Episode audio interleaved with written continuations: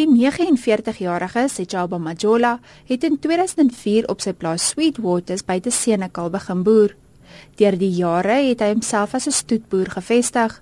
Sy liefde vir beeste het ontwikkel toe hy as 'n landbou-inligtingbeampte in Senekal gewerk het.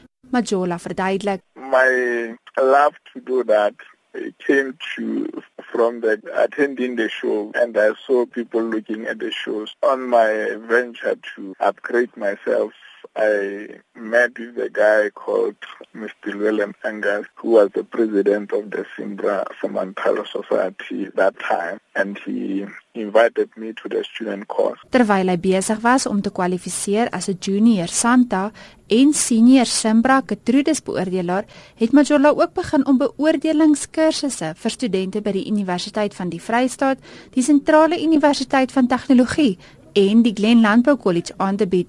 Majola sê nie alle studente het 'n groot belangstelling in die beoordeling van stoetbeeste nie. When you look at them, the, our black South African students are not very, some are having the interest, but are not very orientated. But in a white uh, South African, they are very keen and they are doing utmost best to do uh, other courses. So what I'm doing, I'm trying to upgrade our own and build uh, the culture of learning. Majola is die jaar uitgenooi om deel te neem aan die nasionale interras beoordelingskursus wat by Nampo plaasgevind het.